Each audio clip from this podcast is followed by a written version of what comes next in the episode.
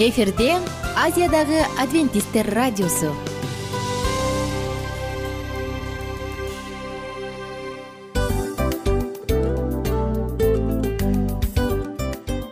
Достор салют. Баардык сүйүктүү угармандарыбызга салам айтабыз. Кутман күнүңүздөр менен. Ден соолук өмүрдүн булагы демекчи саламат саамы программасында баарыңыздарды көргөнүбүзгө абдан кубанычтабыз. Анда алгач амандашып өтөлү арбаңыздар деп. Ден соолугуңуздар кандай элибизде көбүнчө ден соолук кандай дегенде эле жакшы деп жооп беребиз э? ооруп турсак дагы жакшы дейбиз. Анан мен муну айтып ойлойт элем бул абдан сонун сөз депчи анткени бул жакшы деген үмүт да э ооба баары жакшы болот. Баары сонун. Деп үмүттөнүп атып эле өзүбүздү өзүбүз дарылап коебуз. Анысы кандай? Сиздин дагы ден соолугуңуз жакшы беш деген үмүттөбүз чындыгында ден соолук бул өмүрдүн булагы деп бекеринен айтылган эмес деп ойлойм. Кыргыз элинде анткени эгерде ден соолук жок болсо анда адамдын жашоосунда калган баардык керектүү маңыздуу нерселер өзүнүн баалуулугун жоготуп коет. Ошондуктан ден соолук бул эң керектүү нерсе. Ооба туура айтасың кесиптешим. Чынында ден соолугуң жок бир эки үч күн ооруп калсаң эле э кандай болуп калат? Жашоодо көз каранды болуп каласың көп нерсеге жетишпей каласың көп нерсени кыла албай каласың жада калса эшикке дүкөнгө да чыга албай каласың. Туптуура анан ден соолук болсо демек биз биздин бактыбыз тоодой деп койсок болот. Анда достор саламат саамы рубрикабызды баштайлы. Алдыда өзүңүзгө керектүү болгон сонун кеңештерди уга аласыздар. Мына ошондуктан биз менен бирге болуңуздар. Ал эми биз болсо милан жана айнура. Кеттик алга. Алга саламат саама ден соолуктун жарчысы. Саламат саама ден соолуктун ачкычы. Күн сайын сиз үчүн мыкты кеңештер сонун жаңылыктар кызыктуу фактылар. Биздин рубрикада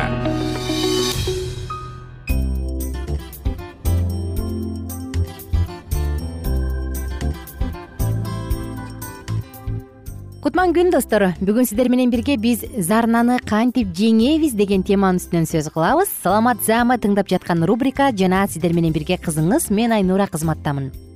Зарна демекчи ии зарна болуп атам деп чыпылдатып чыкылдатып семишке чагып калабыз. Ай сүт куйчу дейбиз соода ичебиз. Айтор ар кандай ыкмалар менен биз зарнага каршы күрөшүп келебиз э? Бирок чын чынына келгенде зарна эмнеден улам пайда болот жана аны кантип жеңиш керек? Кызык болду беле сизге эгерде бул суроо сизге кызык болуп турса зарнадан кыйналып жатсаңыз анда бизди тыңдаңыз алдыда кереметтин баардыгы сизди күтөт. Негизи ашказанда кислота же кычкылтек болушу керек. Бул нормалдуу. Бирок эгерде ал ошол кычкыл өзүнүн деңгээлинен көбүрөөк көбөйө баштаса анда демек бизде көбүрөөк коркунуч пайда болду. Мындай учурда биз кекиребиз ашказаныбыз кыжыылап тим эле тынч бербейт. Керек болсо оорутканга чейин барат мындай учурда эмне кылыш керек? Эгерде сизди дал ушул зарна кыйнап жатса суу ичип коюңуз. Суу сүт эмес башка суюктук эмес. Жөнөкөй гана суу ичип коюңуз. Канчалык биз суу көбүрөөк ичсек ал ошончолук ашказандын былжыр челин көбүрөөк иштелип чыгышын шарттайт дагы анан зарна басылат. Ошондой эле ашказанда зарна болуп атса ушул зарнаны төмөндөтүп басуучу азыктарды жеңиз. Бул бышкан же чийки сабиз бышкан же духовкага бышкан же чийки алма папайя ананас жеңиз буларда тең ферменттер жана тамак сиңирүүчү ферменттер жана клетчаткалар көп. Чийки капустанын согун ичиңиз эки кашык эле. Ошондой эле чийки картошканын согун ичип коюңуз. Бул дагы эки аш кашык жетиштүү. Эми химикалык антоциттер жөнүндө сөз кылсак. Соода. Чын эле соода зарнаны бир заматта басат э бирок аны көп ичпеш керек. Анткени ал андан ары канга сиңет дагы жүрөктүн бөйрөктүн иштешине оорчулук жаратат. Ошондуктан сооданы ичпей эле койгон жакшы. Кийинки кезекте алюминий менен магний. Алар дагы абдан жакшы бирок ошенткени дагы алардын терс эффектилери дагы жок эмес. Абайлаңыз. Кайсы бир азыктардан толугу менен баш тартыңыз? Бул куурулган тамак майлуу тамактар специялер фаст фуд алардын көпчүлүгүндө май көп болгондуктан сиздин зарнаңызды жогорулатат. Алкоголдук ичимдиктер кофе чылым табак булардан баш тартыңыз. Жана ошондой эле сүт жогоруда айткандай сүттүн ичүүнүн кереги жок. Ал убагында басат бирок андан кийин ал негативдүү эффект көрсөтөт дагы ашказанда көбүрөөк кислотанын иштелип чыгышын стимулдаштырат. Демек сиздин зарнаңыз кийинкидей эки эсе көп болот. Газдалган суусундуктар углекислый газ деп коебуз э? Булардын баардыгын тең кайсы жерден бир аз бир аз пузырек чыгып турса аларды ичпей эле коюңуз. Жана ошондой эле сезгенүүгө суук тийүүгө каршы дарыларды ибупрофен аспирин сыяктуу дарыларды ичпей эле коюңуз. Ашказанга болгон давленияны басымды жок кылганга шашылыңыз. Мисалы өтө тыкыз кийим кийбеңиз же белиңиздеги курду катуу бекем курчунбаңыз курчабаңыз бүкүрөйүп жүрбөңүз тамак жээр менен жата калбаңыз. Кечкисин аз эле тамак жеңиз же таптакыр эле жебей эле коюңуз. Сол тараптап жатыңыз оң тарап менен жатсаңыз сиз көбүрөөк кекиришиңиз мүмкүн ошондуктан сол тарап менен жатыңыз. Ич катуудан качыңыз. Бул нерсе сизди көбүрөөк э, кекирүүгө алып келет ошондуктан абайлаңыз. Жана сөзсүз түрдө арыктаңыз. Белиңиз ичкери ичке болушу үчүн арыктаңыз биз бел кандай болуш керек? Мурунку уктурууларда айтып бергенбиз. Эсиңизде болсо дагы бир жолу карап көрсөңүз болот. Жана биздин жаткан керебетибизге көңүл буруңуз. Биздин керебетибизге жатканда баш төшкө чейин бир аз бут жактан жогорураак деңгээлде болгону жакшы. Ошондуктан жаткан керебетиңиздин баш жагына мүмкүн бутуна сиз кирпич же жыгач таяк коесузбу бир аз бир аз деңгээлде өйдөрөөк болуп турушу үчүн бул нерсени дагы эске алыңыз достор негизи зарна бул кызыл өңгөчтөгү өзгөчө анын төмөнкү бөлүгүндөгү кыжылдоо сезими э? Тим эле кыжылдап атат э эмне кылам дейсиң го карындан кычкыл суюктук кызыл өңгөчкө өтүп кеткенде оозго жагымсыз кычкыл даам келет. Зарна ашказан маңызын кычкылы көбөйүп же төмөндөп кеткенде туз кислотасы такыр жок болуп кеткен учурларда байкалат. Кээде адам өз нормасынан ашыкча тое жеп алганда же тамактанган соң сиңирбей туруп тезинен жатып алганда ашказандын ар кандай ооруларында жана кош бойлуулукта дагы зарна пайда болот. Өзгөчө кош бойлуулар билет болуш керек. Аны адамдар чачы өсүп атат баланын тырмагы өсүп атат деп коет бирок ким билет чындыгында кандай экенин э? Эгер зарна бат ушундай бир адатка айланып калса эмне кылыш керек? Аны жагымсыз көп учур көп болуп атса тамактануу рационунан зарнанын чакыруусу сарымсак цитрус жемиштерин кычкыл алмаларды куурулган майлуу тамактарды алкоголдук ичимдиктердин ичинен кызыл винону кофени аракты ачуу жана ычытылган азыктарды чыгарып салыш керек. Зарананын бат баттан пайда болуусуна жалбыз даамдуу сагыздар да өбөлгө түзөт. Андыктан андай сагызды колдонуудан алыс болуңуз. Ошондой эле уктаардан бир эки саат мурун тамактаныңыз же тамактанбай эле коюңуз. Уктаарда башыңызды бирээк кылып чалкалап жатыңыз зарнада таптакыр эле жаныңызды койбой атса анда күнүмдүк рационуңузга гречканы кошуңуз. Алгач гречканы кызырганча бышырып алыңыз.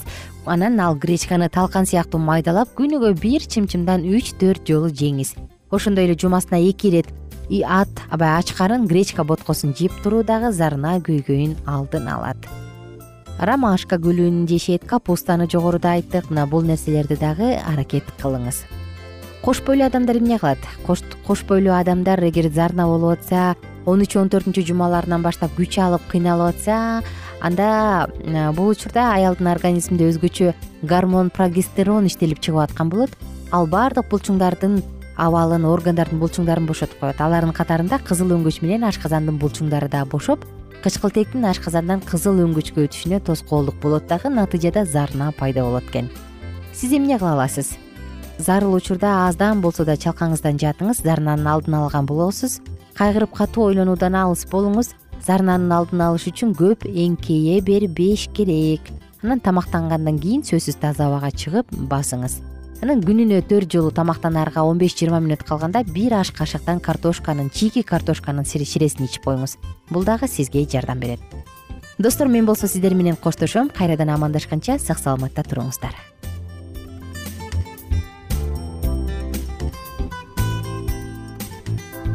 кененирээк маалыматтар үчүн үч w чекит саламат чекит клуб сайтына келип таанышыңыздар.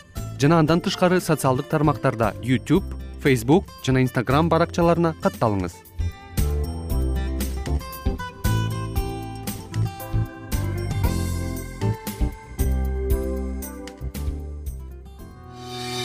саламат саама ден соолуктун жарчысы. Саламат саама ден соолуктун ачкычы. Күн сайын сиз үчүн мыкты кеңештер сонун жаңылыктар кызыктуу фактылар биздин рубрикада.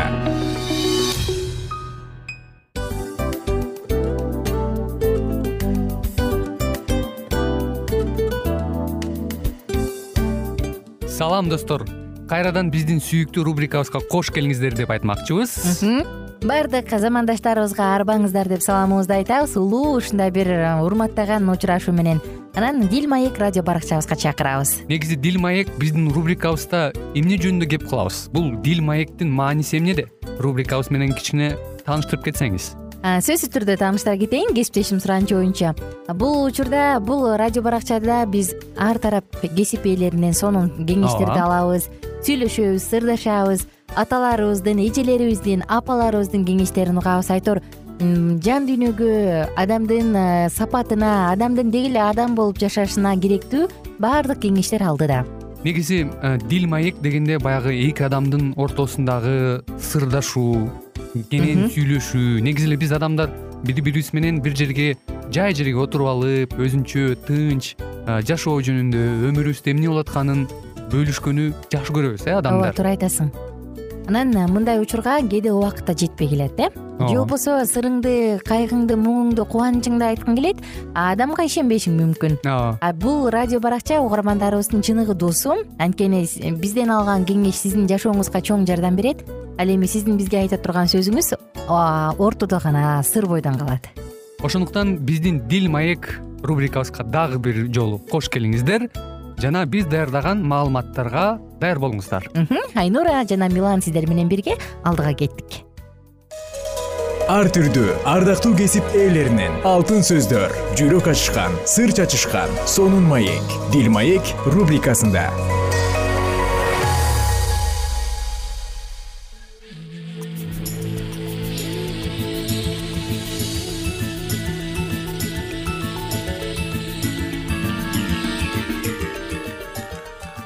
амансыздарбы ардактуу радио угуучуларыбыз кайрадан эле биз сиздер менен бактылуу никенин баалуу эрежелери аттуу берүүбүздү баштайбыз. Бүгүнкү программабыздын чыгарылышында биз үй бүлө жаатына багытталган темабызды улантабыз. Тактап айтканда үй бүлөдө бала тарбиялоодо деги эле биз балдарыбызды акылдуу болуш үчүн э, кантип туура тарбия беришибиз керек? Ушул туурасында адистердин берип өткөн бир нече кеңештерине э, сиздерди кулак түрүүгө чакырып өтмөкчүбүз. Микрофондо кайрадан эле кызматыңыздарда аты жөнүм мен улан кубанычбеков жана ошондой эле менин кесиптешим. Саламатсыңарбы жана мен асель мамбетова. Балдарыбызды канткенде акылдуу тарбиялай алабыз. Ушул туурасында сүйлөшөлү. Ар бир эле ата эне баласынын акылдуу жана эстүү болуп өсүүсүн каалайт. Баланы акылдуу кылып тарбиялоонун түрдүү ыкмалары бар. Ошол ыкмалардын эң таасирдүү жана пайдалуусу тууралуу кеп козгосок. Урматтуу ата энелер көп тил билген бала эмне үчүн акылдуу болот келиңиздер бул туурасында адистердин изилдөөлөрүнө кулак төшөйлү. Эки тилде сүйлөгөн кичинекей бала. Бир тилди гана колдонгон өзү сыяктууларга караганда когнитивдик басымдуулукка ээ болот экен. Тактап айтканда эки башка тилде тили чыккан наристелер көйгөйлөр менен тапшырмаларды жакшы чече алышат. Балдарда кайдагы көйгөй дейт чыгарсыз. Андай өнөр анын тез өнүгүүсүнө таасир берет кош тилдин баланын келечегине тийгизген пайдасы чоң. Ошондуктан биз үйдө эки тилди колдонуп сүйлөсөк балдарга пайдасы зор болот экен. Ардактуу ата энелер демек бүгүнкү учурда адистер ушундай тыянакка келишкен экен. Андыктан балдарыбызды эки тилди бирдей үйрөнүүгө окутканыбыз абдан маанилүү экендигин айтпасак дагы белгилүү эмеспи келиңиздер ушул туурасында дагы бир нече кеңештерге кулак төшөйлү көптөгөн изилдөөлөр далилдегендей. Бир нече тилде эркин сүйлөгөн адамдардын мээ аралыктарындагы коммуникация системасы жакшы өнүккөн алар пландоодо аналитикалык жактан ойлонууда жана тапшырманы чечүүгө алдыга эч кимди салышпайт. Бирок мунун баардыгы чоңдорго жүргүзүлгөн изилдөөлөр болуп саналат экен. Вашингтон университетинин окумуштуулары он бир айлык он алты балага атайы изилдөө жүргүзүшүптүр. Алардын сегизи жалаң гана англис тилинде сүйлөгөн үй бүлөдө тарбияланса калган жарымы англис менен испан тилинде сүйлөгөн үй бүлөнүн балдары болгон экен. Изилдөөдө далилденгендей эки тилди билген балдардын мээси испан жана англис тилинде активдүү фонетикалык маалыматтарды түздөй баштаган ал эми болгону англис тилинде сүйлөгөн үй бүлөлөрдө. Тарбияланып жаткан балдар испан тилин болгон фондук ызы чуу катары гана кабыл алышат экен. Мындан улам бала сүйлөгөнгө чейин сөздөрдү угуу аркылуу тааный турганын биле алабыз. Балдар англисче испан тилин угуп отуруп өзгөчө неврологиялык реакция көрсөтүшкөн. Окумуштуулар префронталдык жана орбитофронталдык кабаттардын аналитик кабыл алуу менен чечим чыгарууга жооп берген мээ бөлүктөрү активдүү жумуш тиркелген. Ал эми бир тилди гана билген балдардын бул зонасы таптакыр жооп берген эмес. Ошондуктан кымбаттуу ата энелер бул эмнени билдирет? Келиңиздер бул туурасында дагы адистердин берген бир нече кеңешине дагы кулак салыңыз.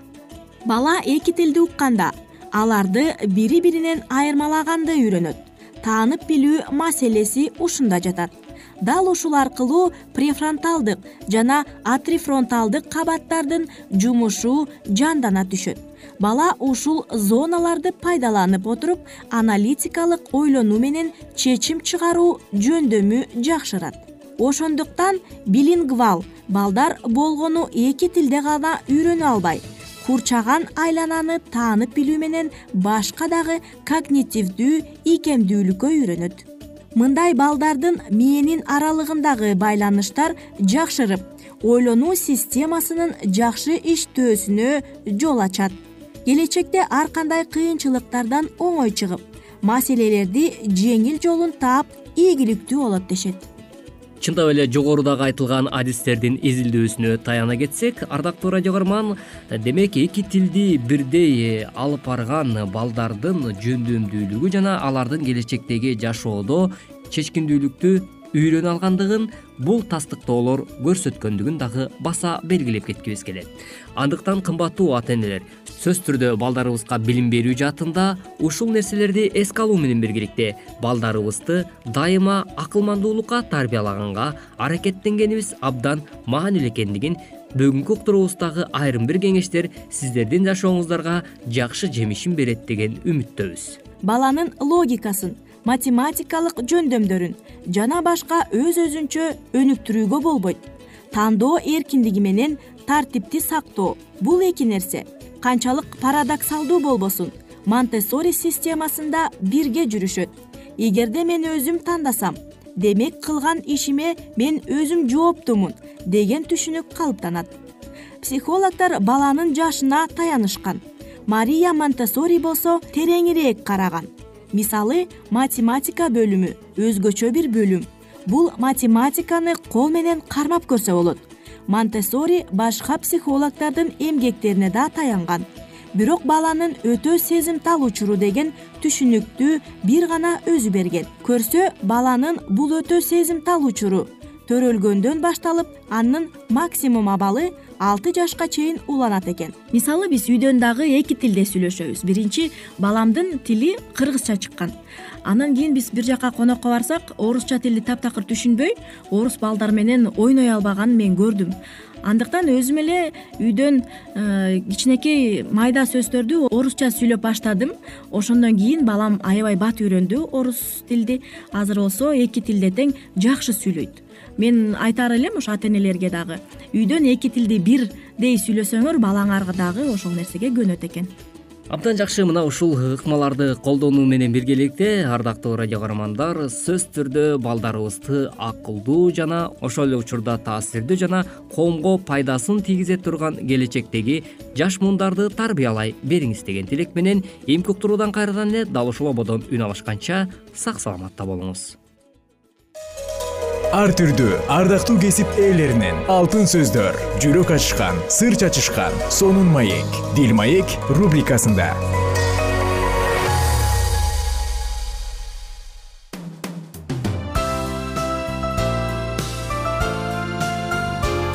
Эфирде азиядагы адвентисттер радиосу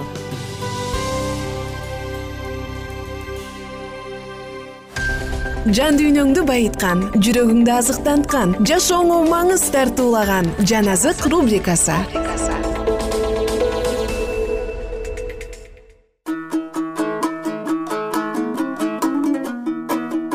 Кутмандуу хуш убак күнүңүздөр менен биздин кадырман замандаштар кадырлуу угармандар жана сүйүктүү достор. Сиздер менен бирге амандашып жан азык рубрикасын баштадык. Сулайман пайгамбардын накыл сөздөрү жыйырма сегизинчи бөлүм он төртүнчү аяттан ары улантабыз. Кудайдын алдында ар дайым коркуп жашаган адам бактылуу. Ал эми жүрөгүн өжөрлөнткөн адам кырсыкка кабылат. Жакыр элге үстөмдүк кылган мыйзамсыз өкүмдар айгырган арстандай ачка аюудай акылы жок өкмөт башчысы көп кысымчылык көрсөтөт. Ал эми ач көздүктү жек көргөн өкүмдардын өмүрү узун болот адамдын канын төгүп айыптуу болгон адам бирөө кармап албасын деп көргө киргенге чейин качып жүрүп өлөт. Түз жүргөн адам зыян тартпайт. Ал эми туура эмес жолдор менен жүргөн адам ошол жолдордун биринде чалынып жыгылат жерин иштеткен адам нанга тоет бекер поздорду туураган адам жокчулукка тоет ишенимдүү адам батага бай ал эми байыганга ашыккан адам жазаланбай калбайт. Бет карама болуу жакшы эмес. Андай адам бир сындырым үчүн да адилетсиздикке барат. Ичи тар киши байлыкка ашыгат. Башына жакырчылык келээрин ойлобойт. Тили менен жасакерленген адамга караганда бетке айткан адам акыры чоң ылым табат. Өз атасы менен өз энесин тоноп бул күнөө эмес деген адам каракчылардын шериги.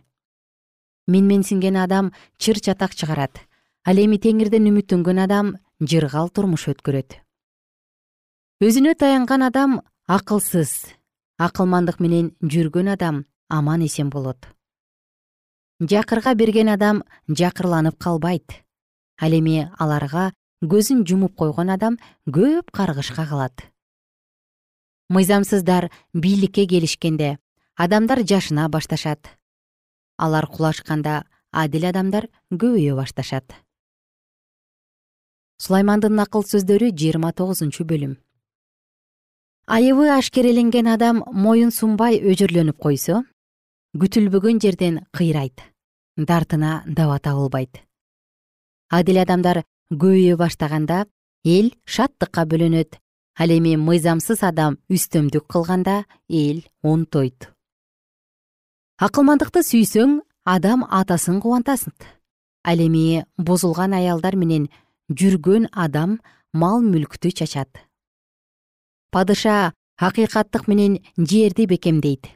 Ал эми алык салыкты көбөйткөн падыша аны жакырчылыкка алып келет. Досуна кошомат кылган адам анын бутуна тузак тартат жаман адамдын күнөөсү өзүнө жайылган тор болот. Ал эми адил адам кубанып шаттанып жүрөт. Адил адам жакырлардын ишин кылдаттык менен териштирет. Ал эми мыйзамсыз адам ишти териштирбейт. Бузулган адамдар шаарды дүрбөлөңгө салышат. Ал эми акылдуу адамдар дүрбөлөңдү басышат акылдуу адам акылсыз адам менен соттошкондо ачууланса да күлсө да тынчтыгын жоготот. Канткор адамдар ак ниет адамды жек көрүшөт ал эми адил адамдар анын өмүрү үчүн кам көрүшөт. Акылсыз адам бүт каарын чачат ал эми акылдуу адам ачуусун басат. Эгерде башкаруучу жалган сөз угуп жатса анда анын кызматчыларынын баары мыйзамсыз адамдар. Жакыр менен паракур кезигишпей койбойт. Экөөнө тең жарыкты теңир берет.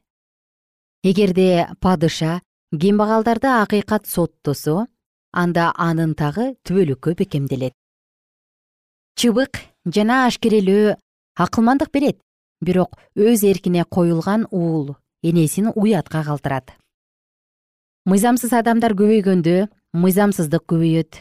Бирок адил адамдар алардын кыйраганын көрүшөт. Уулуңду жазала ошондо ал жаныңа тынчтык берип кубаныч тартуулайт. Кудайдан аян болмоюнча эл ооздукталбайт.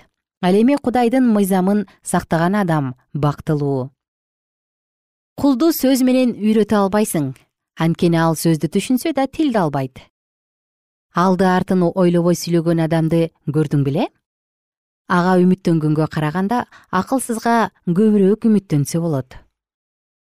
Эгерде кулду бала чагынан эркелетип тарбияласаң акыры ал сага бала болгусу келет.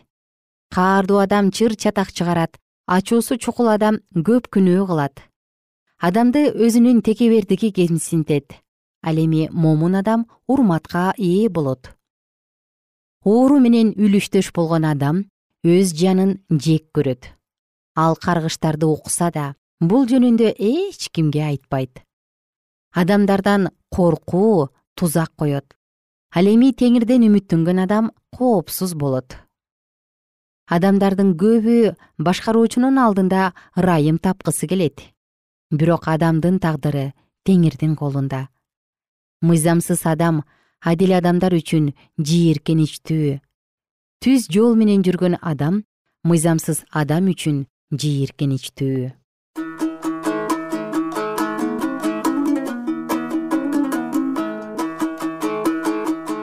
кымбаттуу досум мынакей бүгүн сиздер менен дагы сулайман пайгамбардын накыл сөздөрүнөн эң сонун асыл сөздөрдү окуп өттүк. Жашооңузга таасирин тийгизсин мүмкүн кичинекей балаңыз бар болсо ии муну кантип чыбык менен чабам деп коркуп кетсеңиз керек э? Албетте ата эненин жүрөгү зыр дей түшөт бирок ар бир бала туура тарбияланышы үчүн андан чыбык аяба дейт караңызчы.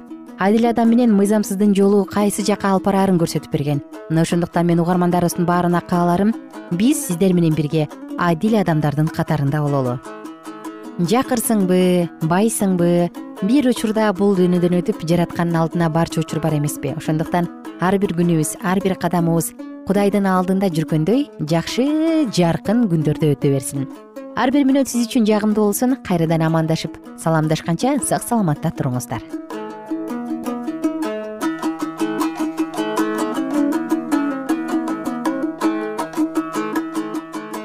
Эгер сиздерде суроолор болсо же көбүрөөк маалымат билем десеңиз анда биздин whatsapp номерибизге жазыңыз. Плюс бир үч жүз бир жети жүз алтымыш алтымыш жетимиш. Кайрадан плюс бир үч жүз бир жети жүз алтымыш алтымыш жетимиш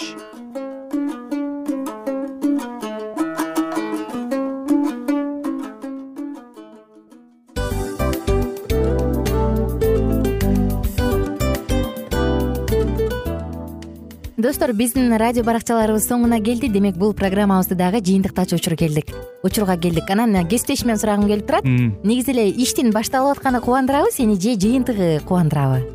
Албетте жыйынтыгы. Себеп дегенде сен кылган ишиңдин жыйынтыгын көрүп э, баягы мөмөсүн көрүп дегендей жыргайсың жүрөгүң кубанычка тартып э? Кандай даамдуу деп. Баягы буудай сепкенде эмес буудайдын эгинди жыйнагандан кийин ысык нанды жегенде кадимкидей ырахаттанасың го ой айтпа туура айта кеттиң сонун салыштыруу болду. Анан мен дагы абдан кубанып турам. Анткени биз угармандарыбыз үчүн аябай эмгектенип келген уктуруубуздун соңуна келип калдык.